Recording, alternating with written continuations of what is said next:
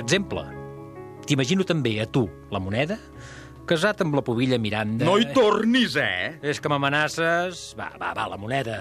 Tu no ets més que un fantasma. És curiós que et digués això. Per què curiós? Que té de curiós que en Solaràs em digués fantasma, si no deia més que bestieses. Ara bé, fixa't, sempre m'havia pronosticat que si em casava seria el cornut més formidable que s'ha vist de molts anys ençà en tot Barcelona i fins en tot el pla del Llobregat. Amb aquestes mateixes paraules m'ho va dir una vegada.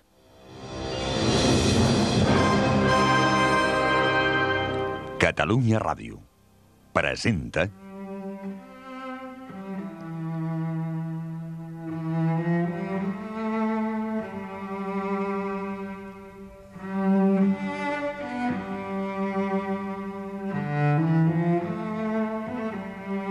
Incerta Glòria, de Joan Sales, en una adaptació lliure per la ràdio d'Oleguer Sarsenedes. Muntatge Ramon Albero. Direcció Juan Germán Schroeder.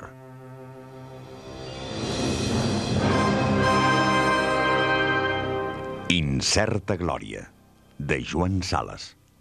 Una producció de Catalunya Ràdio amb el suport del Departament de Cultura de la Generalitat de Catalunya. Oi que et preocupa el teu cos? Uh -huh. Oi que l'alimentes cada dia? doncs escolta, tu ets el teu cervell. I el teu cervell també l'has d'alimentar. I molt. Dóna-li el millor que hi ha. Allò que té més aliment. Els llibres. Tenen vitamina A, B, C, D, E, F, G, i així totes, fins a la X, la Y i la Z. Alimenta el teu cervell. Llegeix llibres. Catalunya. Endavant amb la cultura. Capítol 69. El capità Ibrahim.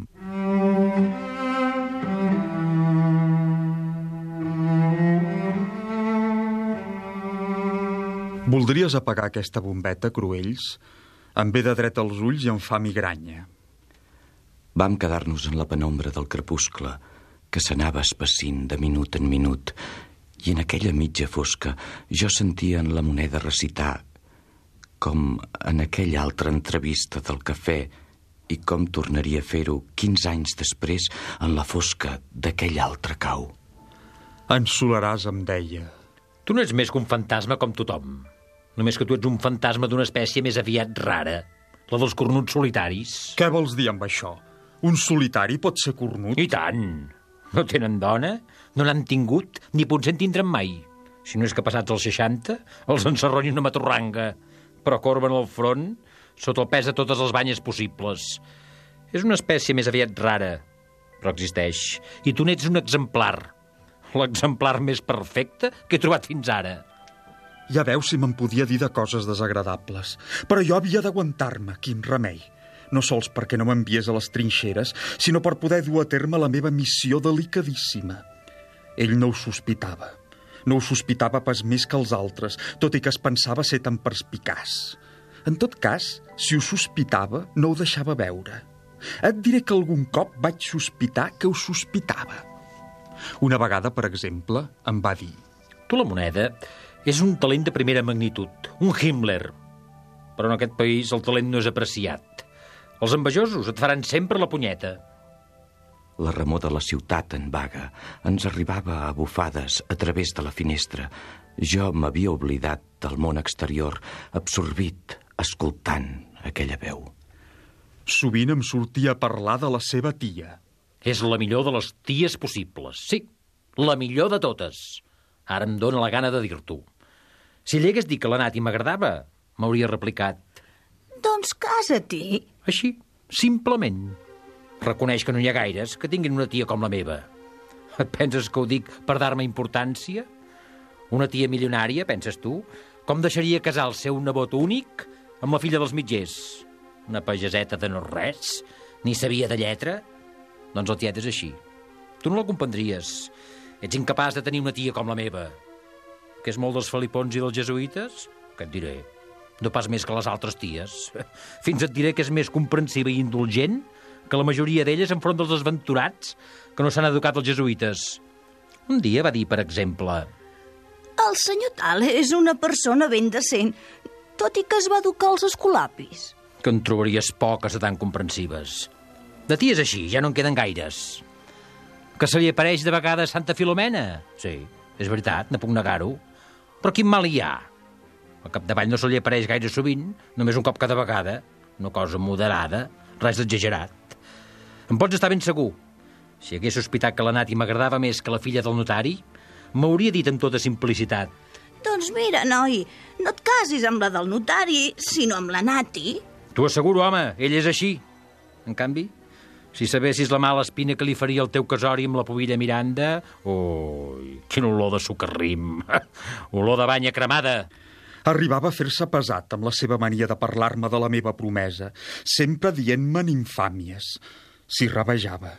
Jo havia acabat per escoltar-lo com qui sent ploure. Ja no feia cap cas de les indirectes de mal gust que em clavava. Però hi havia hagut aquella història del capità Ibrahim. Amb aquella història havia passat de la ratlla. Qui era, doncs, aquest Ibrahim? Un moro que manava un tabor de regulars. Durant la batalla de l'Ebre, el seu tabor era veí del nostre batalló i ens feien visites, els dies de calma. Allò de l'Ebre costava, com ja saps, mil morts per dia, i va durar quatre mesos. Però hi havia dies de calma i els aprofitàvem per distreure'ns un xic. El comandament del batalló es trobava instal·lat en una vella masia que havia sofert dels bombardeigs, però el cub estava intacte. Era un cub fondo com una cisterna i ple d'un vi negre que s'estava tornant ranci. Teníem la sort de trobar-nos en una comarca de vins reputats gairebé al Priorat. Fèiem les nostres babèrries sobre el sostre del cub, al costat de la trapa oberta. No ens calia sinó baixar-hi una galleda amb una corda com qui treu aigua d'un pou. Bevíem amb la galleda mateixa aquell vi, que era quasi tan negre com la tinta.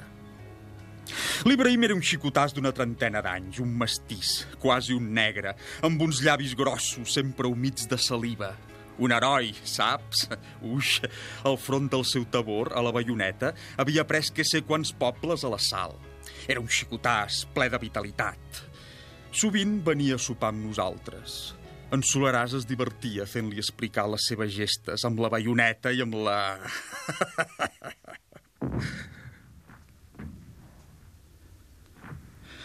En Solaràs el feia veure, l'excitava, i el moro, explicant-se, reia ensenyant els ullals. En Solaràs també es cargolava de riure, però en el seu riure hi havia sempre alguna cosa falsa, com si fos escardat. L'Ibrahim reia tan engrescat que una vegada fins va pixar-se els pantalons de muntar. Era alegre, trempat, formidable, l'Ibrahim. Quina gràcia! Quina gràcia explicant tals o tals detalls picarescos. Tenia sobretot moltíssima gràcia imitant amb veu i posat de dona el que havien cridat, el que havien intentat en matèria de guitzes o de cops de puny. Si em posava de pebre en els detalls més picants. Amb els moros, ja ho deus saber, calia ser de la màriga ampla. Tenen els seus costums, la seva manera de fer la guerra. Calia deixar-los fer segons les seves santes tradicions. Després de la presa de Gandesa, on el seu tabor havia reeixit en un cop de mà dels més audaços, s'havia dit que sentirien l'Ibrahim a comandant. Era home per arribar a general. Però va desaparèixer. El meravellós Ibrahim va desaparèixer. Havia vingut a sopar amb nosaltres. Se'ns van tornar poc abans de l'alba. No va arribar mai al seu tabor. I precisament aquella nit ens havia explicat la darrera de les seves històries. Ens havia explicat que en un mas solitari, encara a Aragó, però ja a la banda que toca amb Catalunya, havia trobat una noieta endolada que potser no tenia encara 14 anys i que no sabia parlar sinó català. La noieta s'hi va fer a mossegades. En un cert moment va aconseguir, esquillant-se, empunyar la ganiveta de matar el porc i va anar d'un no-res que no ens el fa capó per sempre. Quina gràcia tenia l'Ibrahim en els detalls picarescos. Això ens va explicar aquella darrera nit. Ja no l'havíem de veure més. En un mas solitari, a la banda que toca amb Catalunya, una noieta endolada. A partir de la seva desaparició, en Solaràs es va donar més que mai a la beguda. No, no trobeu que aquest vi es va fent cada vegada més ranci? És formidable com augmenta en força i en boquet a mesura que passen les setmanes. Un coronel del cos jurídic havia estat encarregat de la instrucció relativa a la desaparició del capità Ibrahim. Va venir a interrogar-nos i en Solaràs el va convidar. La galleda baixava i pujava. És curiós. A mi sempre em busca les pessigolles sota pretext de desaparicions. Amb els rojos es tractava de pots de llet. Van estar a punt de fusellar-me per uns quants pots de llet, marca el pagès. Ja, saps, ja sap vostè que els rojos t'afusellen per qualsevol minúcia. Aquí no es tracta de, de pots de llet, sinó de capitans moros. I es mirava el coronel com bevia. Amb els seus bigotis blancs i les seves galtes rosades, semblava un lord del bon temps antic. Milord? Milord coronel jurídic? Què pensa vostè dels ectoplasmes? Pel que fa a gats morts, negaria vostè, milord, l'existència dels gats morts? Oh, oh, un tall molt potable, li asseguro. El coronel reia tot satisfet. Li agradava que li diguessin milord, perquè era anglòfil. Un monàrquic alfonsí com una casa, més liberal que la puta de la Cristina. L'exèrcit n'estava ple. Reia tot satisfet sentint-se dir milord, amb la cara emmascarada de vi, sense comprendre ni borrall de les incoherències d'en Solaràs. Molt potables. Jutgem vostè mateix, milord, ja que ha vingut a jutjar. Vida collita pròpia, una extraordinària collita. Ja era molt tard de la nit. El coronel del cos jurídic se'n va anar borratxo com una sopa, amb els blanquíssims mostatjos degotant vi negre, encantadíssim d'haver conegut el cèlebre Solaràs.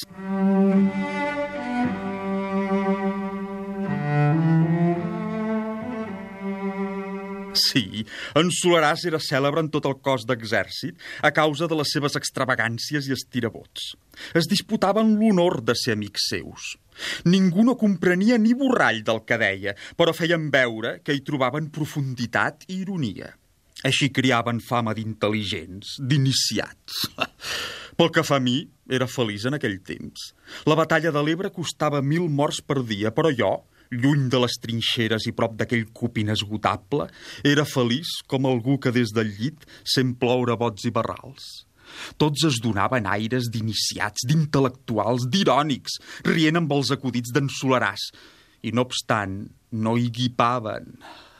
Aquell cup inesgotable no era tan inesgotable com això. El gat mort era dins.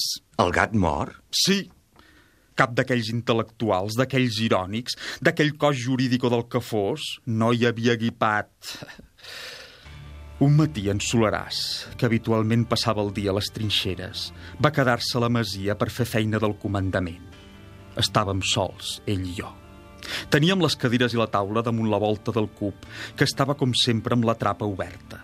La tapa de la trapa tenia frontisses, com un porticó, de manera que amb una puntada de peu es tancava i quedava perfectament ajustada als galzes.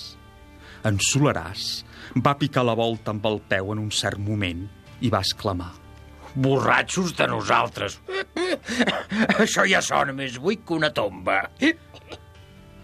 Vaig prendre la galleda per llançar-la dins.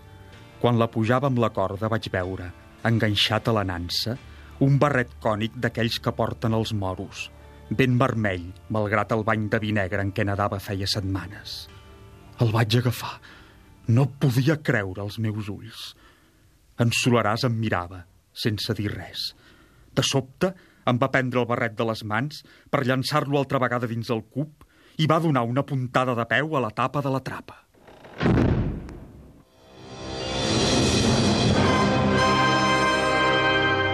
Heu escoltat el capítol 69 d'Incerta Glòria, de Joan Sales, amb les veus de... Cruells, Enric Major. La Moneda, Francesc Balcells. Solaràs, Enric Pous. Tia Solaràs, Rosa Romero.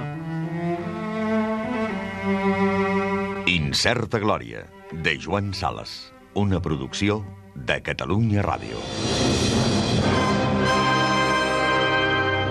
Amb el suport del Departament de Cultura de la Generalitat de Catalunya.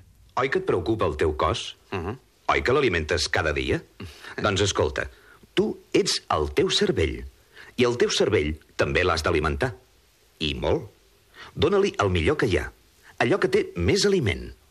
Els llibres. Tenen vitamina A, B, C, D, E, F, G, i així totes, fins a la X, la Y i la Z. Alimenta el teu cervell. Llegeix llibres. Catalunya. Endavant amb la cultura.